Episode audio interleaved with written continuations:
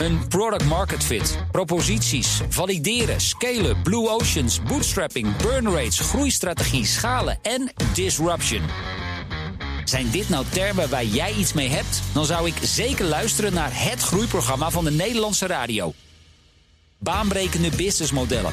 Elke woensdag tussen half 2 en 2 op BNR en altijd online als podcast. Baanbrekende businessmodellen wordt mede mogelijk gemaakt door Salesforce. Verenig je rond je klant met Salesforce.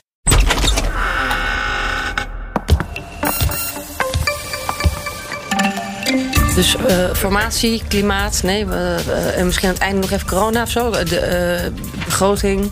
Ja, en vooral de FSV. Fraude signaleringsvoorziening. Ja. Oftewel, de zwarte lijst.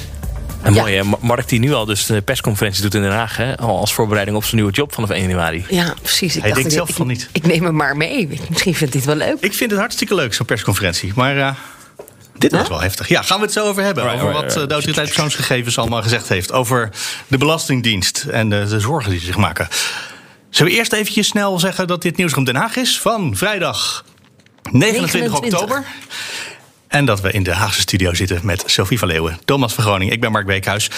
En uh, ik hoorde jou mij vanmorgen feliciteren, Sophie. Uh, gefeliciteerd met de langste formatie in Nederland ooit. Ja, we hebben een record. We hebben een record. We zijn nog niet waar de Belgen waren, toch? Nee, die zitten ergens boven de 500 dagen. Dus we hebben nog wel even. Dat gaan we niet redden, denk ik. We, Voor de kerst hoorde ik gisteren iemand zeggen. We denken een kerstkabinet. Oh ja, uh, tegen Thomas werd nog gezegd... Uh, nou, de kerst, dat is pessimistisch. Uh, Sinterklaas Ja, moeten dat- we wel redden. Dat zei Kaag. Sinter- Sinterklaas moeten we wel redden. En toen vroeg ik nog de intocht van Sinterklaas. Eh, toen wisten niet wanneer toen het wist was. niet was. Maar, maar, eh, Maar dat is een paar weken geleden. En in, in een paar weken kan in Nederland alles er opeens heel anders uitzien, hebben we geleerd. maar eind november, begin december... dat is wel wat je hier in de Haagse wandelgangen... wel als een realistische optie hoort. Mhm. Dat een nieuw kabinet dus op bordes staat. Maar dan is het dus nog maar eigenlijk de helft van het proces afgerond. Ja, hè? we Want- hebben nog geen regeerprogramma. Precies. Oh ja, dan heeft de Kamer gezegd... oké, jullie mogen als ministers aan de slag. Ja, ga maar iets schrijven voor ons. En dat komt dan waarschijnlijk pas in februari misschien pas. Nou, dat, dat dat, eh, gaat wel lekker het nieuwe jaar in eh, druppelen, Ja, denk ik. Maar dan heb je inmiddels wel een niet-demissionaire regering? Of heb je dan, Dan heb je eh, een missionaire binnenkort regering. missionaire? Hoe, hoe werkt dat? nee, dan heb je, ja, dan, dan heb je echt Maar een... die, hebben nog, die hebben nog niks wat ze kunnen doen. Want die hebben helemaal geen afspraken gemaakt met elkaar. Met de, die hebben hebben een regeerakkoord. Die hebben dan een, een regeerakkoord op hoofdlijnen... waarin alleen staat het wat en waarom, maar nog niet het hoe. Precies, dus zo gauw ze met hun plan naar buiten komen... dan hebben ze meteen dat proces verstoord wat er daarna nog moet komen. Dus die moeten dan toch nog in afwachting van dat hun deel van het proces is... nog een beetje op hun handen zitten. Ja, dus Gaan we dat- dan wel opeens keihard ingrijpen eh, als het gaat om klimaat? Hè, in de, na Nou, het precies, dat, kerstreces? dat is echt zoiets waarvan we dan van de week weer hoorden. Nou ja, de kosten van klimaatopwarming. eh, dat is iets voor de volgende regering. Maar die, die volgende regering die moet ook beginnen dan met. Ja, dat is wel iets voor onze regering. Maar dan moeten we eerst. Het Maar het is een experiment, het, jongens. programma- Het het is een regeerprogramma. Ja, maar wel, wat ik wel proef, want we hebben toen die persconferentie gehad waarin Remkes uitlegde. Hè, de, de, de, de, de onderhandelaars nu schrijven alleen het wat en waarom Ja. op. En het hoe gaat het, het nieuwe, eh, komt in het regeerprogramma dat de nieuwe bewindspersonen gaan schrijven.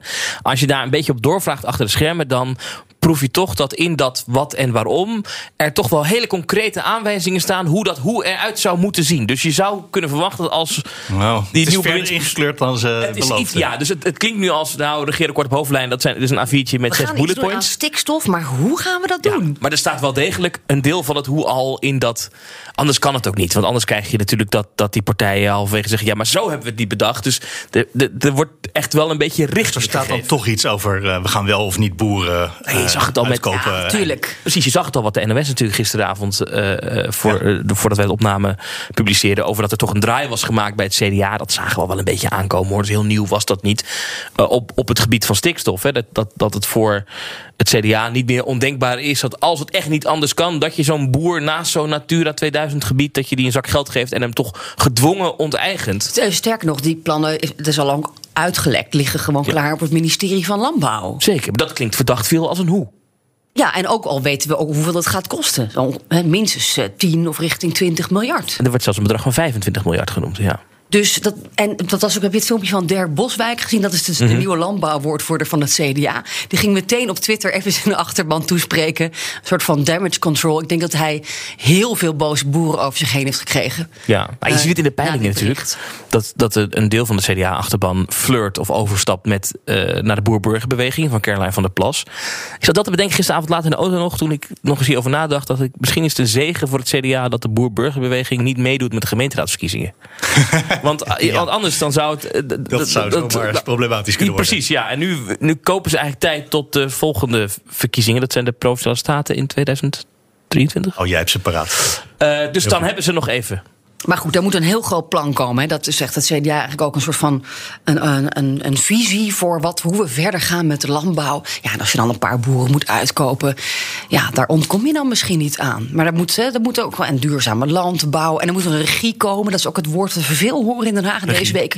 Regie hebben we nodig. En een En, loket en ook, wat betekent regie? En een loket kan ik me iets bij voorstellen. Ja. Maar, eh, Nou, dat je dus niet eh, in de polder al die verschillende belangen en eindelo- eindeloos kissenbis, maar dat er een soort van dat er een poppetje boven komt te staan. Dat is ook het idee met klimaat. We moeten een, een eigenlijk een machtige minister van klimaat krijgen met nou, nog net geen doorzettingsmacht en op die manier ehm, eh, een nieuwe visie op tafel leggen en dat en dat dan gewoon gaan uitvoeren in plaats van het gemodder waar we nu mee bezig zijn, wat alleen maar leidt tot meer stikstofuitstoot. Nu is het zo dat als jij minister van Infrastructuur bent en je wilt een snelweg aanleggen, dan ga je naar eh, het ministerie van Financiën en zeg je: Ik heb een miljard nodig voor die snelweg. En wat, wat je eigenlijk proeft, is dat ze een situatie willen creëren dat je dan niet alleen naar de minister van Financiën moet gaan, maar ook naar de minister van Klimaat moet zeggen: Hebben wij ruimte in de CO2-uitstoot en de stikstofuitstoot om die snelweg aan te leggen? Nou, als de minister van Klimaat er niet mee eens is, dan zegt hij ja, dan ga ik die wet niet ondertekenen. op, ja. Ja. Of ja, ik, ik geef daar, dus ik ga daar niet achter staan. En, en dan, het, het is geen doorzettingsmacht, nog, nogmaals, begrijp ik.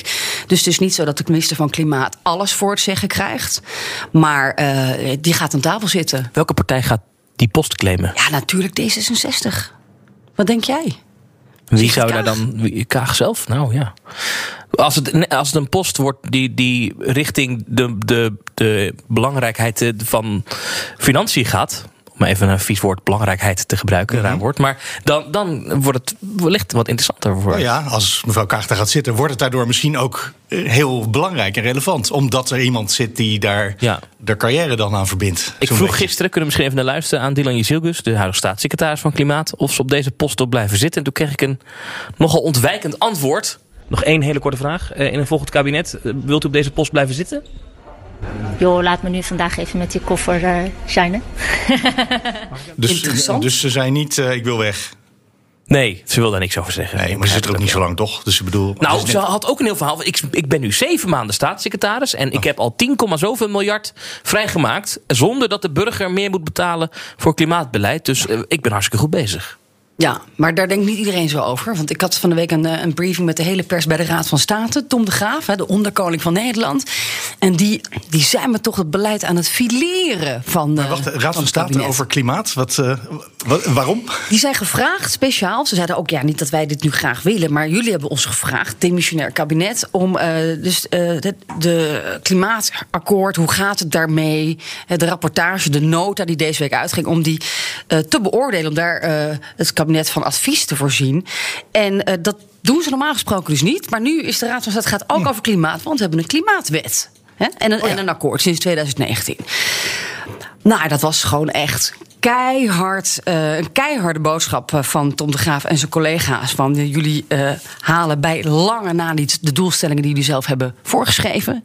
Dus we zitten misschien op 38 tot, tot op 48 procent, wie weet. Er moet 50, 55 procent worden? Nou ja, ze zeggen ook. Rutte zit te shinen in Europa om een, eh, en heeft gelobbyd voor 55% CO2-reductie in 2030.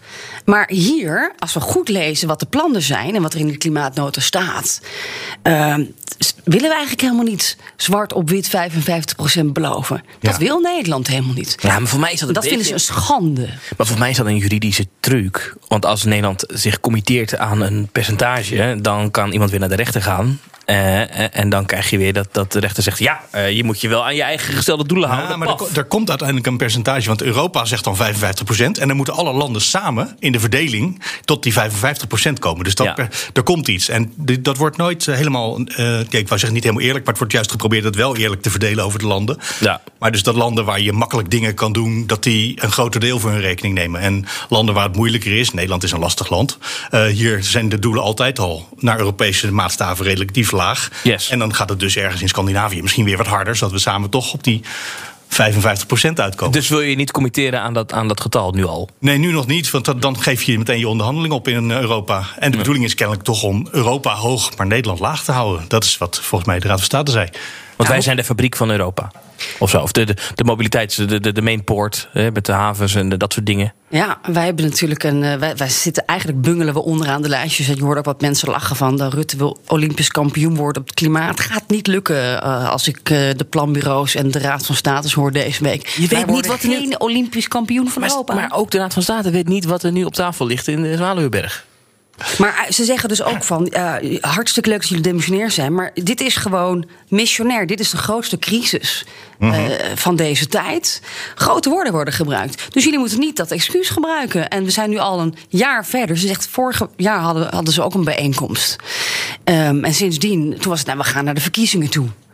Sindsdien is er eigenlijk niks gebeurd. Ja, er is een paar miljard vrijgemaakt, dat is wel waar. Ja, bijna 7 miljard. Ja, ja. En eh, ik- ik- van de week was ik op die klimaatdag. Ik stond 's ochtends vroeg. Overigens bijzonder weinig pers daarbij. Viel mij op. Niet zo heel veel aandacht voor dat koffertje moment.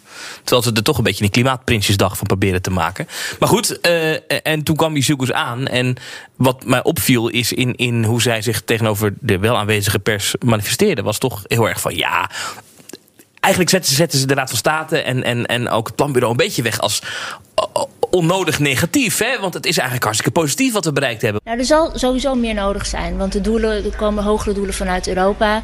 Dus eh, dit is niet vandaag een verhaal van we zijn er al. Maar het is wel een iets optimistischer verhaal dan we, we hebben het zomaar niet gehaald en er gebeurt niks. Eh, de, de, het planbureau laat nu zien dat we heel dicht bij die 49% aan het komen zijn. Die geeft nu een bandbreedte tussen 38 en 48%. Wat voorheen was het 30 en 40%. Dus we hebben een heel groot gat ingehaald, als ik het zo mag zeggen. Het planbureau constateert ook, nou, eh, je hebt ook een plan ingediend in augustus. Dat hebben ze nog niet kunnen berekenen natuurlijk, doorrekenen, want dat is net ingediend. Daar zal enkele megaton uitkomen. En we hebben ook al plannen die in werking zijn gezet, die het planbureau nog niet heeft kunnen berekenen. Zoals CO2-eisen, normen, aan gebouwen die niet woningen zijn, zoals eh, bedrijfsgebouwen en panden. Ehm, daarvan zegt het planbureau, dat hebben we ook nog niet hierin kunnen verwerken, maar dat levert ook 2 tot 4 megaton op. Heel verhaal om te zeggen dat als je al die zaken optelt, dat je die 49% gaat raken. Maar dat wil niet zeggen dat je er vervolgens bent. Dus zij zegt, nou, ik heb die 8% er toch maar mooi bijgesnoept. Eh, en eh, als je dan die 7 miljard pakt, dan raken we de 49% aan. Dat wordt overigens weersproken door de Raad van State. Die zeggen die 7 miljard, of bijna 7 miljard, is helemaal niet genoeg om die procenten nog bij te snoepen. En dan ga je uit van het allerbeste geval. En Ja, dat is iets wat deze regering in het verleden altijd gedaan heeft. Hebben we scenario's, dan kiezen we het meest opgewekte scenario wat we kunnen verzinnen. En daar Ja. maken we beleid op. Dat met corona natuurlijk niet anders. Ja, maar dat, dat, dat, dat- daar zijn ze heel kritisch op. Alleen, ja, je kan, dat vond ik heel moeilijk in het gesprekje dat ik met, met, met staatssecretaris had. Is, je kan niks concreets vragen, want ja, alles ligt op die formatietafel. Dus zij heeft ook geen concrete maatregelen die ze nu voorstelt of waar ze nu mee komt. Ze zegt, ja, we blijven bezig en ik ben altijd mezelf aan het ontwikkelen en aan het bedenken hoe kunnen we het nog meer en nog beter doen. Maar, concreet komt er niks uit. Het is natuurlijk wel duidelijk dat, er, dat we een probleem hebben. Want als je kijkt nu, eh, we we lopen achter blijkbaar met gebouwde omgeving. Ook eh, mobiliteit en landbouw. Nou, ja, landbouw, misschien dat ze daar dus nu hè, een knoop gaan doorhakken. Als het gaat om het stikstofprobleem bijvoorbeeld. Ehm, maar eh, als je kijkt naar eh, de- van het gas afgaan. Of eh, die hele transitie die we met z'n allen moeten doormaken. Jouw huiswarmtepomp. Er zijn ook gewoon niet genoeg mensen in Nederland. Ook de, de netwerk voor de elektriciteit die we moeten aanleggen. Wie gaat dat bouwen? Met, met grote tekorten Ja. op de arbeidsmarkt. Hoe, waar haal je die mensen vandaan? Je moet je ze omscholen. Ehm, het- Ik denk dat gewoon. immigratie halen. Ja. Ook voor corona zag je al hè, dat er werden best wel veel miljarden geïnvesteerd. Maar Wopke Hoekstra kreeg ze niet uitgegeven. Want er was een gebrek aan personeel. Dat groeifonds en zo, dat wil allemaal niet. eh, Het geldt voor zoveel Ja. eh, problemen op dit moment. En dat is eigenlijk misschien wel het grootste, de bottleneck Ja. van het komende kabinet. Hartstikke mooi op papier. We hebben het geld. We hebben ook eindeloos begrotingsruimte. Moet wel oppassen voor oververhitting, hoor je dan hè, de, de Nederlandse Bank zeggen en eh, het Centraal Planbureau. Maar vervolgens, wat doe je daarmee? Kun je het uitgeven? Eh, bovendien nog even een klacht over de staatssecretaris. Ik wilde graag een interview vanuit de, de COP 26, hè, Ja, 26. de klimaattop in Glasgow. Ik heb echt ontzettend mijn best gedaan om de klimaatgezant Jaime de Bourbon de Parme, de prins en eh Jezilgus eh, daar eh, te spreken te krijgen. Maar eh, alle interviews zijn afgezegd met BNR. Dat is het. Waarom? Nou, Jaime de Bourbon de Parme die zei: eh, ik, heb, eh, ik doe eigenlijk toch maar liever alles op achtergrond. Ja, dus En, dan mag je wel met hem praten, maar dan mag je het niet uitzenden. Ja, het- terwijl het was, was toegezegd. En Jezilgus die, eh, die zegt nu opeens: ik heb het te druk. Dus eh, Is dat een voorteken voor wat zij denkt, hoe die top af gaat lopen? Want daar hoor je niet hele opgewekte verhalen nou, over. ik heb gewoon de indruk dat het een heel slecht nieuwsboodschap wordt. Ja. Die kop. En ze bang is voor vervelende vragen. Eh, dat, dat het Nou ja, omdat een we gaan vragen naar concrete plannen. klimaatconferentie wordt. En die kan ze niet geven, want die worden niet, eh, die, de- daar gaat zij nu niet over. Want dat wordt nu eh, aan de formatietafel besproken en daar zit zij niet aan. Dus, dus, dus ja, zij Dus kan dan niet. moet ze de hele tijd zeggen: Sorry, daar ga ik niet over. Nee, maar je- Eh, je moet u eh, over een paar maanden Nee, terugkomen. maar, eh, Ja. maar even praten over. Weet je, er zitten op een belangrijke klimaatconferentie. En wat gaan we, hoe gaan we verder met de doelen uit Parijs? Ook al mislukt het. Dan kun je toch gewoon met ons praten over. Nou, en hoe daar bovendien, is. ze gaan toch volgende week gewoon onderhandelen. Dan gaat ze toch ook niet tegen die andere 190 landen zeggen... sorry, ja, ik sta hier wel, maar eh, ik kan eigenlijk niks toezeggen voor Nederland... want we zijn pas over een paar maanden weer Ja, maar het gaat dan over doelen.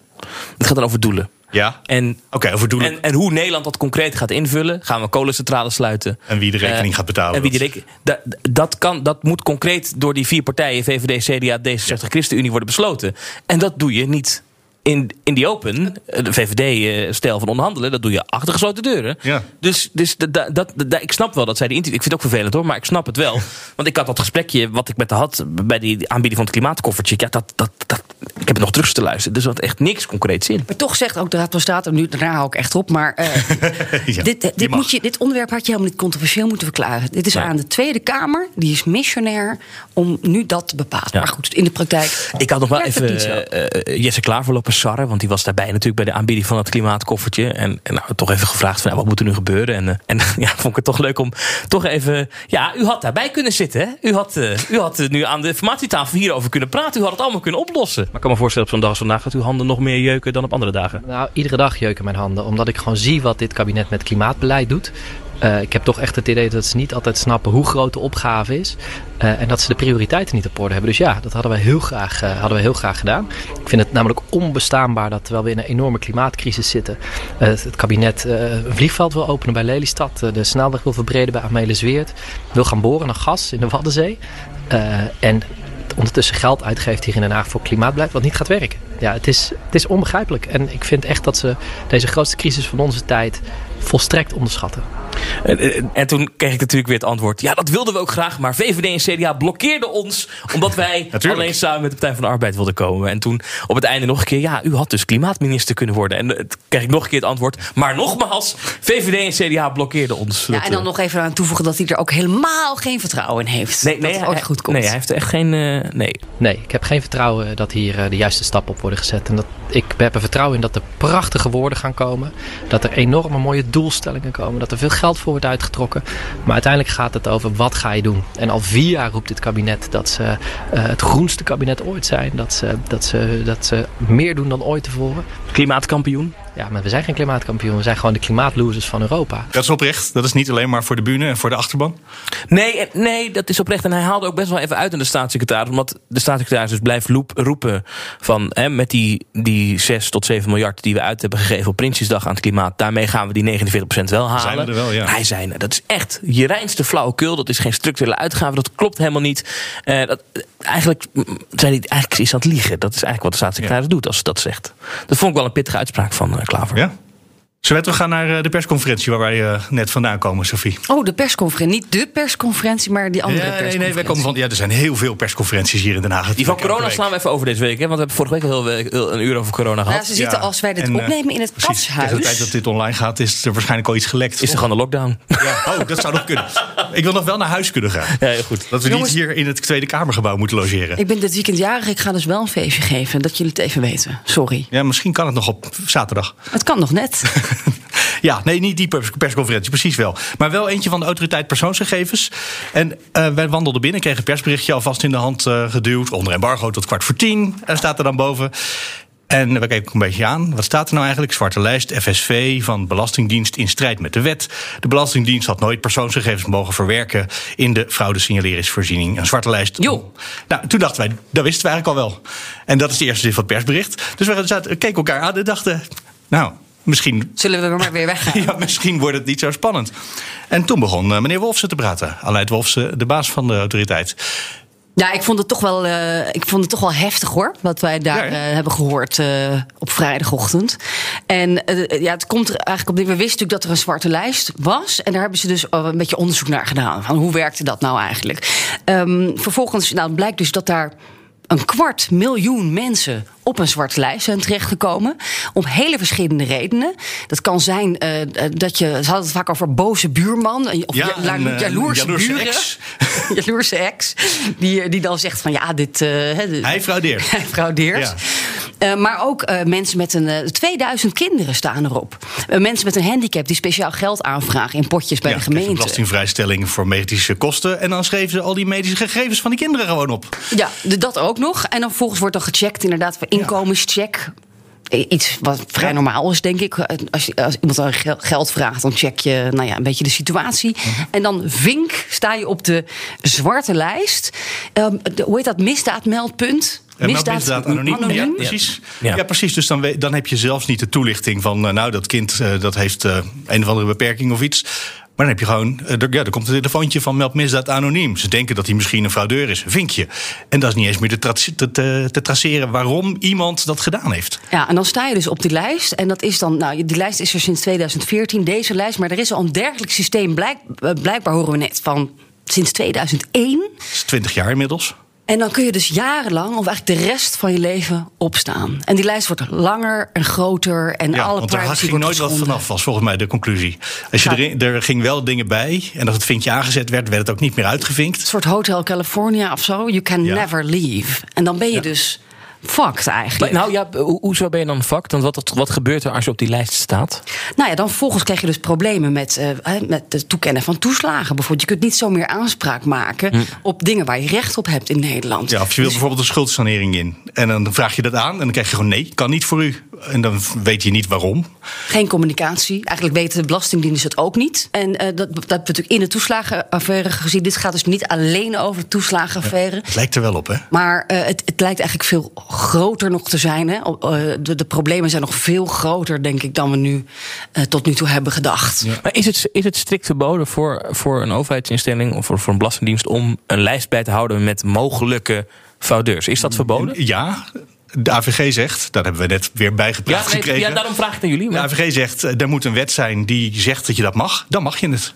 Ja. Maar als die wet er niet is, dan mag je het niet. Want even advocaat van Duivel, het klinkt als een logisch instrument, toch? Het klinkt als een hartstikke logisch instrument. Maar dat is niet iets wat ambtenaren moeten regelen. Maar dat moet de Kamer mogelijk maken. Ja, ja. En er waren dus twee er dingen. staat hier, ja, er is geen wettelijke basis voor de, de, die zwarte lijst. En zonder grondslag, zonder die basis, is het verwerken van persoonsgegevens verboden. Dus. Uh, ja, die, niemand, waarom, waarom was die lijst er eigenlijk? Op basis nou ja, waarvan? Vanwege de cultuur dat er uh, fraudeurs opgepakt moesten worden. Dat is natuurlijk wat uh, we de afgelopen twintig jaar heel erg belangrijk hebben gevonden. Ja, nou, wat, waar ik, waar ik, er waren twee dingen waar ik heel erg van schrok bij die persconferentie. De ene was uh, dat Wolfse zei: je hebt een heel aantal kernbegrippen in die AVG, in die privacywetten. En ik heb nog nooit meegemaakt dat zo goed als alle kernbegrippen overtredingen, uh, overtreden werden. Dus uh, bijvoorbeeld dat er een wet moet zijn, bijvoorbeeld dat je uh, toezicht moet houden hebben van een privacyfiguur in je organisatie. Nou, heel veel van dat soort regels allemaal gewoon niet of slecht. Nou, allemaal overtredingen. En het andere was dat Wolfse zei. En er is een brief gegaan naar uh, het ministerie. Want het gebeurt nog steeds. Deze computers, dit computersysteem is in 2020 in februari uitgezet. Want het kon echt niet meer. En ze zijn nu een, ja, een nieuw systeem aan het bouwen. Want wat jij zegt, Thomas, logisch. Uh, je wilt moet je op een moment je wilt toch weer fraude op gaan, uh, op gaan sporen. Maar daarbij pakken ze het op dezelfde manier aan als de vorige keer. En we hebben niet het idee dat ze het nu anders doen. Er, is nog er zijn wel privacy-officieren. Maar die hebben toch niet een hele grote rol in het project. Uh, dus eigenlijk, nou, dat hij zei: Ik hoop dat de regering deze brief gaat lezen. Dat we hier volgend jaar niet weer moeten staan. En ja. dat, ik, ik vond dat heel heftig, want het zegt ook iets over dat dus de computersystemen vervangen worden, maar niet de cultuur in het ministerie. Ja, en even mijn beeld: die lijst was van de Belastingdienst. Ja. Ik kon ook alleen de Belastingdienst erin, of wie, wie kon er allemaal bij? Dat is ook echt ontluisterend. Er konden dus 5000 mensen bij. Van de Belastingdienst, wel op zich. Aan de andere kant. Heel erg veel. Als je bedenkt dat er tienduizenden mensen werken. Dus er zit een, een aanzienlijk. Ja, ongeveer. Ja, ongeveer 30.000, misschien iets meer. Ja. En, en daarvan kan dus een aanzienlijk deel, misschien wel een zesde, of ik kan even niet zo goed hoofdrekenen. Um, 6 keer 35, dat gaat goed. Bij de zwarte lijst. En, uh, en dus iets doen met die gegevens. Het is denk ik nog één stapje erger, want je kon uh, een selectie maken. En dan mhm. op een knop exporteren. En dan krijg je een Excel-bestandje. Ja, Top je in de dus mail en dan heb jij het. Waren Niemand weet meer. dat. Um, dus het was voor 5000 mensen van de Belastingdienst maar uh, toegankelijk. Ja, maar die konden dus ook even hun neef Maar die konden het. Of, ja, ja. Of, of was misschien dat een politie erom vroeg en zei: Kunnen jullie dat eens kijken? Weet jullie wat van die meneer? Dat misschien ging dat ik dit is speculatie. Ja, ik snap het. Ja. Maar misschien dus dat het wel in allerlei politiekantoren terechtgekomen is. Of want je vroeg, konden ze er buiten de ja. Belastingdienst ook bij? Ja, in, zonder dat we het kunnen weten zou dat gebeurd kunnen zijn. Maar dat is dus allemaal ook niet meer te achterhalen. Ja. En het was echt, nou ja, we hebben het heel vaak over Kafka gehad in dit verhaal van de toeslagenaffaire. Maar dit, dit, is, ook Kafka. Dit, dit, dit, is, dit is die lijst op basis waarvan alles kan gebeuren en je hebt geen idee. Maar even, Sofie, jij zei dat dit dateert in, in de eerste opzet al terug tot 2001. Ja. Uh, dat is dus ver voordat we de eerste signalen kregen van die, die toeslagen uh, aanpakken. Want dat, dat, dat dateert een beetje de tijd van de Bulgare fraude. Ja, dus dit, dit systeem, hè, dus dat FSV, ik kan dat steeds niet onthouden, fraude signaleringsvoorziening, uh, die dateert uit 2014. Maar blijkbaar okay, is er al ja. een, een, een gelijksoortig, al, al eerder een fraudelijst, een zwarte ja. lijst die al ouder is. Ik heb daar verder nog niet echt details over. Er is ook een, een, in Rotterdam een systeem ooit geweest, dat is er ook gewoon ingeladen. Dus het is eh, het heeft een historie van daarvoor. En, en de, link, de link met de toeslagenaffaire is ook dat, dat bijna alle slachtoffers van de toeslagenaffaire hierop staan? Of weten we dat? Of? Ja, dus, ja, heel, ja, ja, dus die zwarte, daar, er is een verband. En uh, dus dat was ook de vraag hè, aan uh, autoriteit persoonsgegevens. Van oké, okay, dus wat ga je dan doen? Hebben die mensen eigenlijk überhaupt echt allemaal schade gelopen? Die, die kwart miljoen mensen op die zwarte lijst. Ja, nou, niet allemaal misschien. Dat hoeft niet. Maar we weten natuurlijk wel dat er tienduizenden ouders sowieso zijn... die daardoor in de knel zijn gekomen... en wel recht hebben op een schadevergoeding. En dat is dus nu... Uh, interessant dat er een extra eigenlijk grondslag is. Uh, omdat, omdat nu naar buiten komt. Dit was grondwettelijk onjuist. Alle regels zijn geschonden. Ja. Zegt Wolf, ja, we moeten A, excuses hebben. En B, hebben die mensen dus. Dat moet gewoon allemaal vergoed worden. En dus nog bovenop die hele hè, toestand die we al hebben gezien. Er komt nog weer een hersteloperatie aan eigenlijk. Hè? Dat kondigde die half aan. Nieuw hersteloperatie. Want als jij dus inderdaad... Jouw, jouw grondrechten zijn geschonden...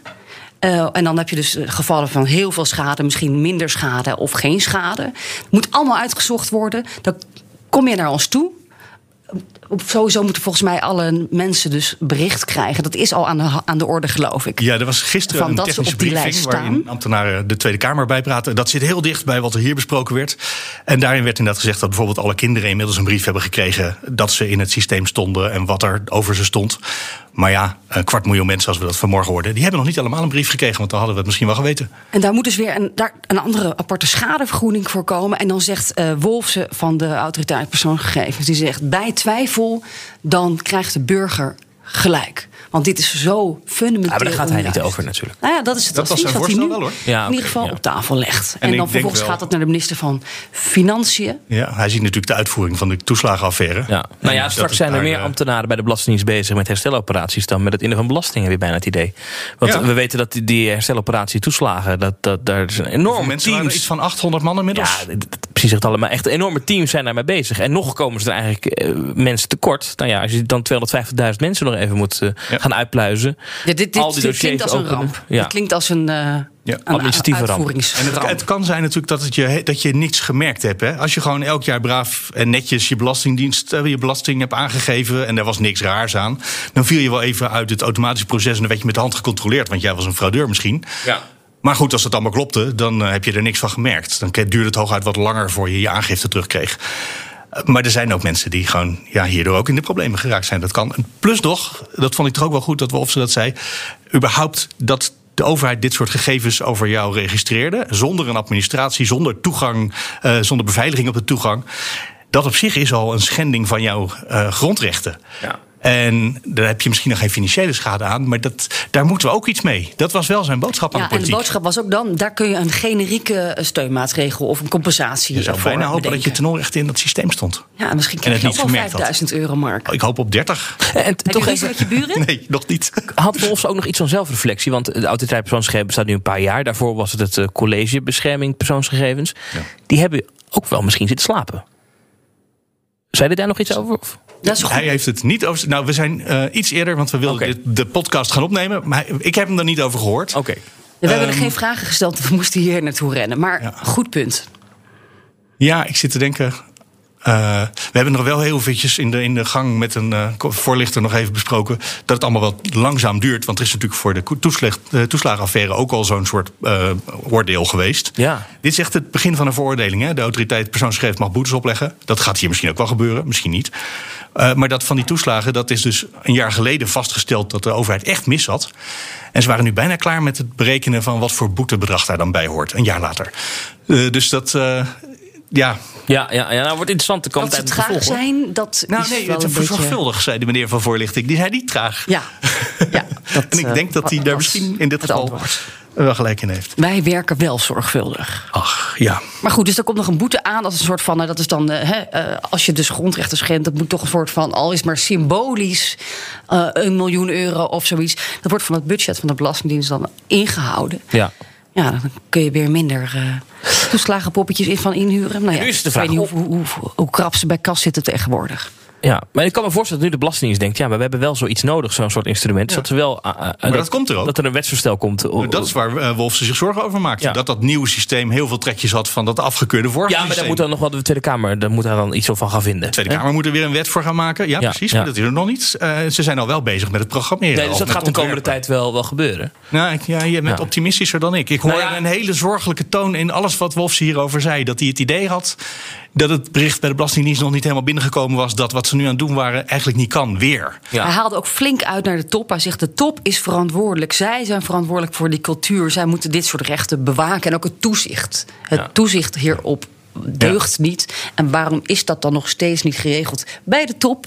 Dus die zullen wel. eh, Ah, ik, moet, ik moet een beetje terugdenken aan een verhaal van begin vorig jaar in het FD. Eh, die hadden toen allerlei ambtenaren bij de Belastingdienst gesproken. Die zeiden: er heerst een soort van angst nu binnen de Belastingdienst om fraude hard aan te pakken. Omdat je, ja, dat kan eigenlijk niet meer. Hè? Terwijl ja, laten we dan niet misschien nu ineens allemaal fraudeurs lopen. Omdat we bang zijn dat we te hard zijn. Nee, of maar dat we middelen gebruiken. geregeld worden. Ja, precies. Maar dat kan natuurlijk ook doorstaan aan de andere kant. op. Als je dit soort, dit soort middelen niet meer mag gebruiken. Dit, dit, dit is fout, hè? dat begrijpen we. Nee, Alleen eh, een variant hierop.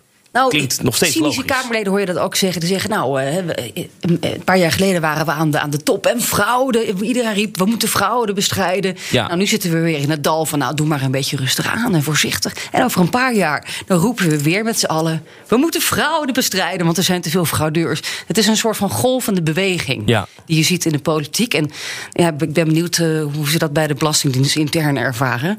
De, de druk die er al dan niet is om daar hard in te grijpen. Maar die zal op een dag wel weer komen. Ja. Er zullen ook ambtenaren zijn die zeggen: We hebben ons werk jarenlang goed gedaan. En wat zitten ze nou te zeuren? Die zullen er ongetwijfeld zijn. Ja, zeker. Maar dat- volgens mij is het heel simpel. Als je als ambtenaar ontdekt dat je zo'n lijst nodig hebt... dan ga je toch naar de politiek en zeg je, dus naar je minister... Ja. Ja. wij hebben zo'n lijst nodig en dat mag nog niet. Regel even. Eh, ja, regel ja. voor ons een wet. En Ja. dan, eh, dan gaan we dat, of weet ik veel, eh, maak er een koninklijk besluit van als dat kan. Ja. Eh, maar eh, zorg dat we dat mogen doen. Want dat hebben we echt nodig. Anders hebben we straks weer Bulgare fraude. Dat was onze grote angst uiteindelijk vroeger. Ja, daar is dat balletje gaan rollen. Ja. Maar goed, wordt vervolgd. Dus eh, ik denk dat we dus over een jaar een, een boete hebben. En Ja. dat, is, dat is de volgende stap. Oh ja, en natuurlijk een brief van de minister van Financiën. Maar die zit op de G20 in Rome deze dagen. Ja, wat doet hij daar eigenlijk? Zit hij niet deze dagen op een klimaattop naar financiën misschien niet. Nee, dat is begin volgende week. Dit weekend Ja, is die begint G20. dat. Volgens mij Ja, Rutte gaat daar ook nog heen. de hè? Klimaattop. Eh, Rutte gaat namelijk ook naar Glasgow en naar, naar die G20. Al dan niet digitaal, dat weet ik niet. Maar hij is in ieder geval bij. Vandaag praten ze ook over eh, de financiële eh, kant van de coronacrisis. Met, ook met minister van Volksgezondheid die er zijn. Van hoe kunnen we met z'n allen nou voorkomen dat dit nog een keer gebeurt? En wat moeten we daar dan misschien aan financiële middelen voor hebben? Op internationaal niveau. Dat is vandaag op de agenda. Morgen. Dat zou ik moeten weten. Hebben we het niet ook over de belasting, 15% tax? Oh, het minimumbelastingtarief voor eh, De eh, winstbelasting die eh, niet over de hele aarde, maar bij Ja, ongeveer serieuze 140 grote landen. landen zal Landen worden die zichzelf geen belastingparadijs vinden. ingevoerd. Ja, ook een Hey. heel belangrijk punt voor uh, Wopke Hoekstra. Nog één ding, dit gaat over één lijst bij de, bij de Belastingdienst. Ja. Eh, weten we of er, of er binnen overheidsinstellingen of meer van dit soort eh 210 210? heb ik uit de technische briefing van gisteren. Anders Ja. had ik het niet zo stellig kunnen Dus zeggen. als er 210 lijsten met dit soort aantallen zijn, dan is de kans Ja. bijna groot Ja, dat we er allemaal alle- een keer ergens op staan. Dus alle exportjes die per mail aan iemand zijn toegezonden, dat zijn natuurlijk ook nog lijstjes. En die zijn USB-sticks onbekend. die in de trein zijn blijven liggen. Nee, nee, nee. Maar Wie weet. maar 210 van die lijsten, hier nog naast. Dus het zijn inderdaad 211. Ja, Ah, of 200, nee, ja, ja, ja, maar flink wat. Ja. Privacy forget it, Thomas. Maar die heb jij toch al niet? Nou, nee, maar dat, kijk, nu focust iedereen zich natuurlijk op deze ene. Maar eh, wellicht dat er nog Nou wel ja, dit is een serieuze grote lijst, Ja. omdat hier een kwart miljoen mensen in staat. Ja. 250.000. Hè, Dat is. eh, ehm, ook, er zijn vast ook kortere lijstjes, maar daar weet ik niet de details van. Nee, maar gemeenten zullen het misschien ook gedaan hebben met, met, met, eh, met eh, bijstand. eh, Ja. en misschien hebben die ook wel die lijstjes af en toe doorgestuurd naar het ministerie en zitten er dubbelingen in. Dat, eh, ja, en de politie zal het misschien ook gedaan hebben. Ja. Die zullen zeker een idee hebben van wie zij als fraudeur eh, Ja. In de gaten houden. En dat vond ik ook interessant wat Wolfs nog zei. Dat hij, vroeger had je natuurlijk een inspecteur en die hield in zijn aantekeningenboekje ook gewoon bij. Van nou, die, eh, meneer van Groningen, daar is iets mis mee misschien. Eh, Ik, eh, ik hou hem in de gaten. Maar dan had alleen die man dat. Maar nu is alles gedigitaliseerd. En dan kan ineens kunnen 5000 mensen van de 30.000 bij de belasting... kunnen allemaal zien dat iemand een vinkje heeft aangezet. En iedereen neemt dat serieus. Maar je kan het niet helemaal beoordelen of het een... Ja, ik moet het toch maar in de gaten houden was. Of hij is echt gewoon serieus een fraudeur. Dus de nuance gaat eruit. En dat, dat is het effect van digitalisering. En daar is de overheid natuurlijk heel hard mee aan de slag gegaan. En ik, ik heb dus een dubbele nationaliteit. Dus misschien sta ik ook wel op de lijst. We gaan het zien. Ik dan krijg ik een brief binnenkort. Met excuses mag ik hopen. En een schadevergoeding. Wat is dit nou? Als je geen schade hebt geleden, hoef je ook geen schadevergoeding te krijgen. Nee, het natuurlijk. gaat- Ja, haar grondrechten zijn geschonden. Ja, oké. ja. Mag ik nog één er bijzonder eh, momentje van deze week eh, Heel graag. in de podcast halen? Ik eh, wa- was vannacht vrij laat en toen zag ik... hey, eh, de begrotingsbehandeling eh, eh, Binnenlandse Zaken is nog bezig. Ik dacht, nou, waar gaat het allemaal over? Maar toen Tot schakelde twee ik... uur aan het vergaderen, geloof ik. Hè? Ja, tot diep in de nacht. En toen schakelde ik in en toen dacht ik, waar gaat dit over? Het, was, het, het eerste wat ik hoorde, ik zette namelijk de audiostream aan in de auto... was Savannah Simons die zei... U heeft mij een directe vraag gesteld of ik vind dat u een kogel door de kop moet krijgen. Het antwoord is nee. "Wa- Wat is dit voor debat? Eh, eh, Dat is, de- die vraag heb je teruggekeken. Werd die ook echt gesteld? Die werd echt gesteld. Dus ik, ik, ik een half uur terugscrollen. Wat hier gebeurde was Renske Leijten, eh, Kamerlid voor de SP... die eh, viel Sylvana Simons van Bijeen vrij hard aan op tweets van leden en medewerkers van Bijeen... waarin zou gesuggereerd worden dat Renske Leijten racist is of racistische motieven heeft. Dat is allemaal weer terug te herleiden. Ik moest echt even goed terugzoeken, maar het is terug te herleiden aan, ehm, aan een tweet. Ik kan hem voorlezen. eh, waar het mogelijk over gaat. Een tweet waarin staat... Leiden is boos omdat Kamerleden... naar aanleiding van het Amnesty-rapport... doen alsof er geen Nederlandse slachtoffers zijn... in het toeslagenschandaal. Alle slachtoffers van dit schandaal zijn Nederlands. Dat was een, tweet van bijeen. En daar vielen weer wat andere bijeeners onder... die haar dan weer uitmaakten voor racist. Nou ja, dat is natuurlijk niet prettig voor Renske Leijten. Wel een Alleen- gevoelig puntje hoor bij de SP. ja, en eh Leijten die sprak daar Savannah Simons op aan. En Simons die vond dat geen, niet passen op dat moment in de plenaire zaal om daarover te hebben. Die zei, spreek me daar nou buiten de zaal op aan. Ehm, en dat werd, dat, dat werd een hele vette discussie. Ook eh Khadija Ariep van de Partij van de Arbeid... die viel Renske Leijten nog bij. En toen kwam Wieberen van Haga... die in het verleden ooit eh, een doodsbedreigende tweet heeft gehad... van iemand die betrokken was bij, bij één. En die ging dat nog even oprakelen. Wat er hier is gebeurd is dat iemand op de lijst van bijeen, nummer 6 geloof ik, nummer 7, uh, mee een kogel door de kop wil jagen. Ik heb aangifte gedaan. De partijleider staat hier en neemt geen afstand, zegt helemaal niks, doet helemaal niks. En voor zo'n misdrijf dat ik aan de kaak stel, Wilt u mij het, woord ontnemen? Het is toch, het is toch Nee, bespottelijk? e- even voor de helderheid, u spreekt mij nu aan. Ik heb u niet om die reden het woord willen ontnemen. Ik heb u het woord willen. Ik, wil, ik heb deze discussie willen stoppen. Eh, omdat we hier niet gaan oplossen. De voorzitter eh, wilde eigenlijk eh, zelfs schorsen, wilde ermee stoppen.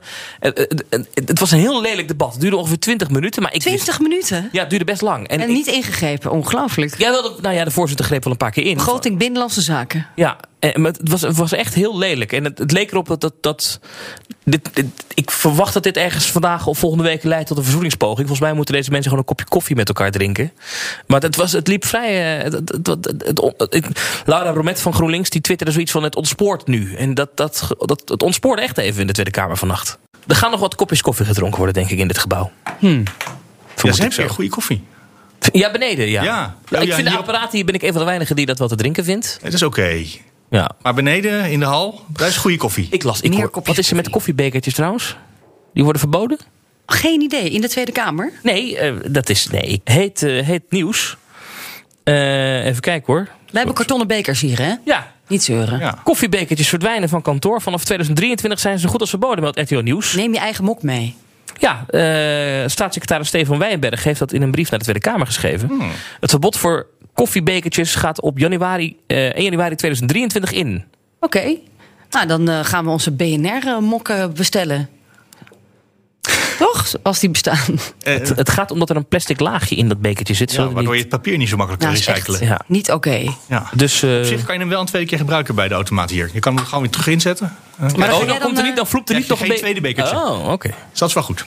Maar ga je dan afwassen, Thomas? Nou, dan moeten we hier de vaatwasser krijgen, ja. Ja, precies.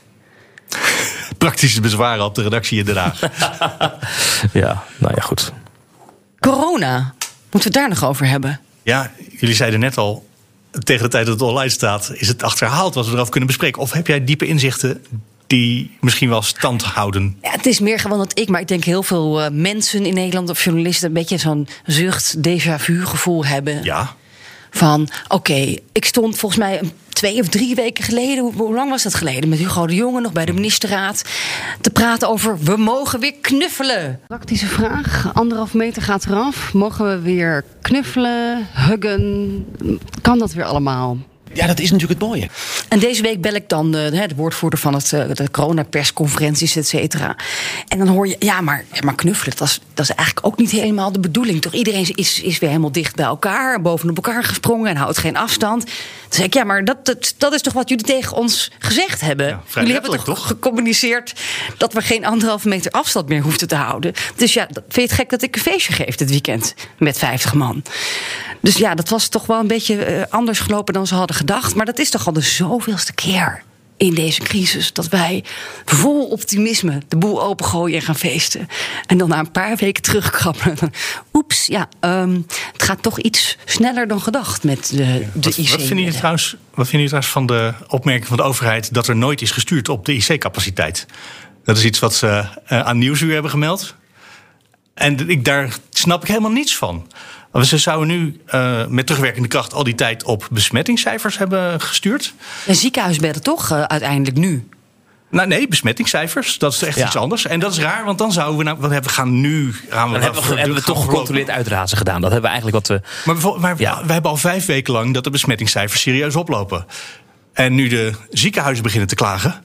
Eh, komt de persconferentie ietsje eerder. Dus Ah, je, dit hebt- is- je dit- ziet gewoon dat er nu op ziekenhuisbedden wordt gestuurd. Ja. En niet op de oplopende. Dit is iets wat het kabinet niet wil erkennen. Omdat je dan zou erkennen dat. eh, wat ooit Sylvana Simons trouwens weer destijds eh, deze zomer Ja. in een coronadebat inbracht. dan zou dit kabinet, kabinetsbeleid ervoor gezorgd hebben. dat er een x aantal mensen is overleden. ja, die anders misschien zoveel overleden mogelijk waren. doden. Dat zei ze bijna letterlijk. Ja, da- daar was Rutte toen die vond dat onbeschaafd. Dat zij dat toen in een motie zette. Maar ja, ik moet toch concluderen dat als je de reconstructie van Nieuwsuur leest. dat zij wellicht deze zomer, de conclusie die is toch wel zo hard. maar dat, dat ze wel een eind in de goede richting zat. met dat het kabinetsbeleid niet is geweest. eh, we gaan zoveel mogelijk dat de, de, de verspreiding van het virus afremmen. Nee, we moeten ervoor zorgen dat de zorg Het, eh, het aankan. aankan. Ja. Maar dat is toch ook wat we al eindeloos in de Tweede Kamer hebben gezien, ook vorig jaar. Eh, mensen als Lodewijk Asscher van de PvdA destijds, die riepen indammen, indammen, indammen. En het gebeurde niet. Maar we hebben dit al het van was een gecontroleerd lekker laten rondwaaien. Er is al een onderzoeksrapport van, dan ben ik de naam even kwijt, eh, een consultancybedrijf. PwC? Eh, ja, die hebben hier onderzoek naar gedaan. Die hadden deze conclusie al. Nu heeft uh, Nieuwsuur zeer uitgebreid onderzoek gedaan. eh, met talloze experts in binnen- en buitenland gesproken. Komt ook met deze Ja, conclusie. buitenland vond ik leuk om te zien vooral. Ja. En we krijgen straks de OVV nog, de Onderzoeksraad voor Veiligheid, die ook een onderzoek hebben gedaan. Daar zal ongetwijfeld ook een pittige conclusie uitkomen.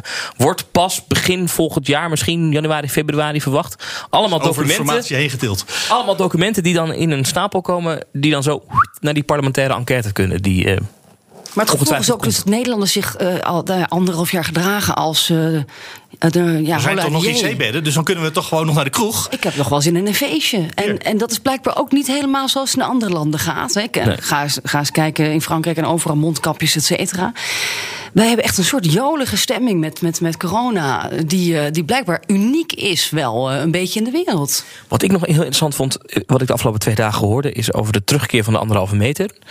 Eh, die hebben we natuurlijk eh, afgeschaft. Maar er is in de wet geen mogelijkheid nu verankerd om dat heel snel op korte termijn weer terug in te voeren. Dus stel je zou weer die anderhalve meter willen verplichten, dan moet de Tweede Kamer opnieuw een wetgevingstraject in. En dat duurt lang, want dat duurt minimaal nou een week, Ja, twee dat weken. kan je twee weken regelen. Maar Ja, ja. En, je kan natuurlijk ondertussen wel zeggen, u weet dat die wet eraan aankomt. Het moet niet, maar het is wel verstandig. Doe ja, maar. maar het is toch wel gek dat ze dat Ja, toch niet onhandig geregeld, op voorbereid zijn geweest. Ja, maar de geest is natuurlijk een beetje uit de fles. Ik denk, als ik Nee, zou nee, het nee, nee, kabinet nee, de geest is weer terug in de fles aan het gaan. terug in de fles. Ja, ik zie het in de, in de metro, dat er eh, weer veel meer mensen mondkapjes op hebben. Ik denk dat het hierop uitdraait dat, dat het een heel dringend advies wordt om weer anderhalve meter eh, te handhaven. En een heel dringend advies richting het bedrijfsleven om al die spatschermen, anderhalve meter stickers, al dat soort maatregelen. die spatschermen werken misschien averechts, heb ik Nou ja, begrepen. goed, maar maar om goed, die- in ieder geval om... eh, om al die aanwijzingen om anderhalve meter te houden, die overal als een dolle van de grond af zijn geschrapt Ja. eh, de afgelopen weken, om die allemaal weer terug te Ja, plakken. ik zou niet te veel terugkrabbelen als ik het kabinet eh, was. Dan geef je ook een beetje toe dat je natuurlijk weer helemaal mis eh, zat. Maar gewoon iets doen, een je stapje voor- verder. Maar stel je nou voor dat je mis zat, dan kan je dat toch ook gewoon zeggen. Nou ja, bijvoorbeeld wat je ook hoort optie. We, moeten nu, we zijn aan het voorspellen en dat lekt uit. En dan, hè, we- Ja. nou, op dit moment weten we het nog niet. Maar ja, je kunt de QR-code natuurlijk nog een beetje verder oprekken hè, naar andere plekken. Dat is natuurlijk heel erg logisch. En dan, eh, dan zeg je dus ook, want je doet geen 2G, dat, dat eh, ongevaccineerden zich alsnog kunnen laten testen. Ja. Als ze dan wel eh, naar hun sportvereniging willen. Dus dat bijvoorbeeld, maar om nou weer terug te gaan. Ja, en thuiswerken, jongens. Een beetje meer thuiswerken. Daar is niet zoveel. Dat zijn heel veel mensen die daar ontzettend gelukkig van worden. Wat heel interessant was deze week, is dat, en dat heb ik echt bevestigd gekregen, dat het op tafel lag, maar inmiddels ligt op de stapel met dingen die we waarschijnlijk niet gaan doen. Kan nog, maar waarschijnlijk niet. Is het voor werkgevers mogelijk maken om te zeggen: als je hier op je werk komt, moet je een coronatoegangsbewijs hebben. QR-code op werk laten zien. Ja, eh, dat, dat, de zorg wilde dat graag. Een aantal Ja. zorginstellingen wilden dat graag. Lijkt niet te gaan gebeuren, maar eh, dat was wel interessant. Ik hoorde daar wel eh, een bron over vertellen die zei... kijk, dat zou natuurlijk een ideale situatie zijn... omdat je dan grote multinationals die in Nederland al zitten... die gaan dat doen. Want die zitten bijvoorbeeld ook in Amerika, waar dat al moet. Ja. Dus denk aan Netflix, eh, misschien Booking. eh echt grote bedrijven die zullen zeggen... ja, als je naar het kantoor komt, moet je QR-code hebben. Anders moet je thuiswerken. En dan, dan verschuift de blik van de samenleving, misschien van het kabinet, naar, hè, naar, naar die werkgevers, naar die grote bedrijven. En dan eh, is het niet alleen maar Hugo de Jonge die de boeman is, maar er zijn al die CEO's die, die daar dan dus achter gaan staan. Dat had misschien best voor de beeldvorming een goed idee geweest. Behalve de directeur van de Efteling, hè? Nou, die was Die zal, niet gaan doen. die zal weer En de een grote reden hebben was- niet mee hoeft te Die doen. krijgen ook een QR-code mogelijk. Ja, pretparken, ja. Bijzonder dat die uitgezonderd zijn. En Ja, overigens, de Efteling, ik blijf het herhalen, houdt zich op dit moment weer niet aan de regels. Want er zijn twee theaters in dat pretpark waar je Ja. Geen QR-code hoeft te laten zien. Want volgens de Efteling is het geen theater. Maar ja, een stoel in een zaal, kijkend naar een podium, dat lijkt mij een theater. Maar goed, Oh, en, en een filmzaal eh, is geen bioscoop, zeggen ze. Maar goed, dat geldt terzijde. Ja, maar de de vraag was... was heel streng, dat eh, viel me op. Of de overheid dit had, eh, zelf ook had gedaan. Of misschien de politieagenten, onderwijs. eh, of, daar, of ze daar ook dan het personeel hadden verplicht. Het Ja, lijkt erop dat, ze het niet gaan doen in ieder geval. Trudeau eh, Rutte nog op andere gedachten gaat brengen deze dagen. Die is op bezoek. En in Canada zijn ze ook een stuk steviger als het gaat om QR-codebeleid. In sommige, eh, want daar is het regionaal geregeld. Heb ik even opgezocht, want ik dacht dat is interessant als eh, Trudeau hier is. Die ik dus niet heb kunnen spreken vanmorgen. Bijna wel, toch? Nou ja, ik wilde het, ik wilde het proberen, maar het is niet gelukt. Hmm. Ja. Verkeer zeker. Het was, ik was te laat. en ik weet ook niet als ik er wel op tijd was geweest of het Nou, dan of was die dan gelukt. de zin en Ja. tijd had gehad voor Ja. eh, zo'n gele plopbol. Ja. Ja, die eh, mensen hebben het ontzettend druk. Die hebben bijna geen tijd voor de formatie. Hè? Rutte, eh, eh, Klimaattop, G20, Hoekstra. Sophie Hermans eh, Forum. De second, als we de secondanten niet hadden. Nee, maar eh, volgende week, hè, Groningen. Oh, misschien kunnen we daar nog eens naartoe. Het provinciehuis met Johan Remkes. Wat gebeurt er in Groningen? De formatie. Oh, de gem- waarom in Groningen? Zodat ze aardbevingen kunnen ervaren. Ja, ze gaan daar ook met slachtoffers van de... Ja, dat Ja, is ook serieus, ja. ja, en dat die mensen hoeven dan niet uit Den Haag toe te komen. Dicht bij de burger. Ja. Het is wel- Bijna Balkenende, die ook het land in ging om overal tijdens de formatie met iedereen te spreken. Of het was niet de formatie, het was zijn eerste honderd dagen, geloof ik. Ja, met dat skateboardmoment. Onder andere. Ik geloof niet dat het iets heeft opgeleverd, maar misschien voor hem wel. Hey Mark, dit is nou de tweede keer in een relatief korte tijd dat jij hier in de Haagse studio zit. Is het een soort van voorland voor straks eh, in januari? Nee, nee, nee, waarschijnlijk niet. Of je de Haagse redactie Zou je, dat, eh, zou je dat een goed idee vinden? Ja, dat lijkt me heel gezellig als jij hier eh, iedere dag Ja, maar jij komt, eh. zit hier niet, dus het... Wel, ik zit straks Oh, hier een zit paar deuren verder. in de gang. Ja. Maak even reclame, Thomas. Zeg eens even hoe leuk het hier is. Maar ben je- nou ja, dit, Ja. dit is de komt gezelligste... natuurlijk een vacature bin- binnenkort. Dit is de leukste Haagse redactie van, eh, van Nederland. Volledige weg. autonomie. Dus ja, Je hebt- Het is heel erg je eigen winkeltje, dat is heel leuk. Ja, geen eindeloos vergaderingen en zo met collega's. Nee. Gewoon heb je eh, ook al een vacaturenummer en een e-mailadres waar mensen op kunnen reageren? Of- BNR.nl slash vacatures volgens mij, dus daar zal hij wel op staan. Dat zal hij misschien wel op staan inmiddels. Ja, of stuur ons even een tweetje. Ja. Sophie V. Leeuwen. Misschien is het ook wel interne wervingen. Geen idee nog. Nee, nee, hij komt ook extern. Ja, ook extern. Ja. Dus, eh, Spannend. Krijgen we een nieuwe collega vanaf januari. Ja, misschien Mark. misschien Mark dus, ja. Ja, jullie denken dat allebei. Maar wie gaat dan de podcast presenteren? Solliciteren. Nou, eh, ik weet niet of dit de montage haalt. Eh, goed weekend, zou ik zeggen. Bon weekend. Thomas van Groningen, Sophie van Leeuwen, dankjewel allebei. Einde van Nieuwsroom Den Haag voor deze week. Je kan altijd reageren. Mail dan naar nieuwsroom.bnr.nl of nieuwsroom.fd.nl. Dan zijn we de volgende week weer. Tot dan.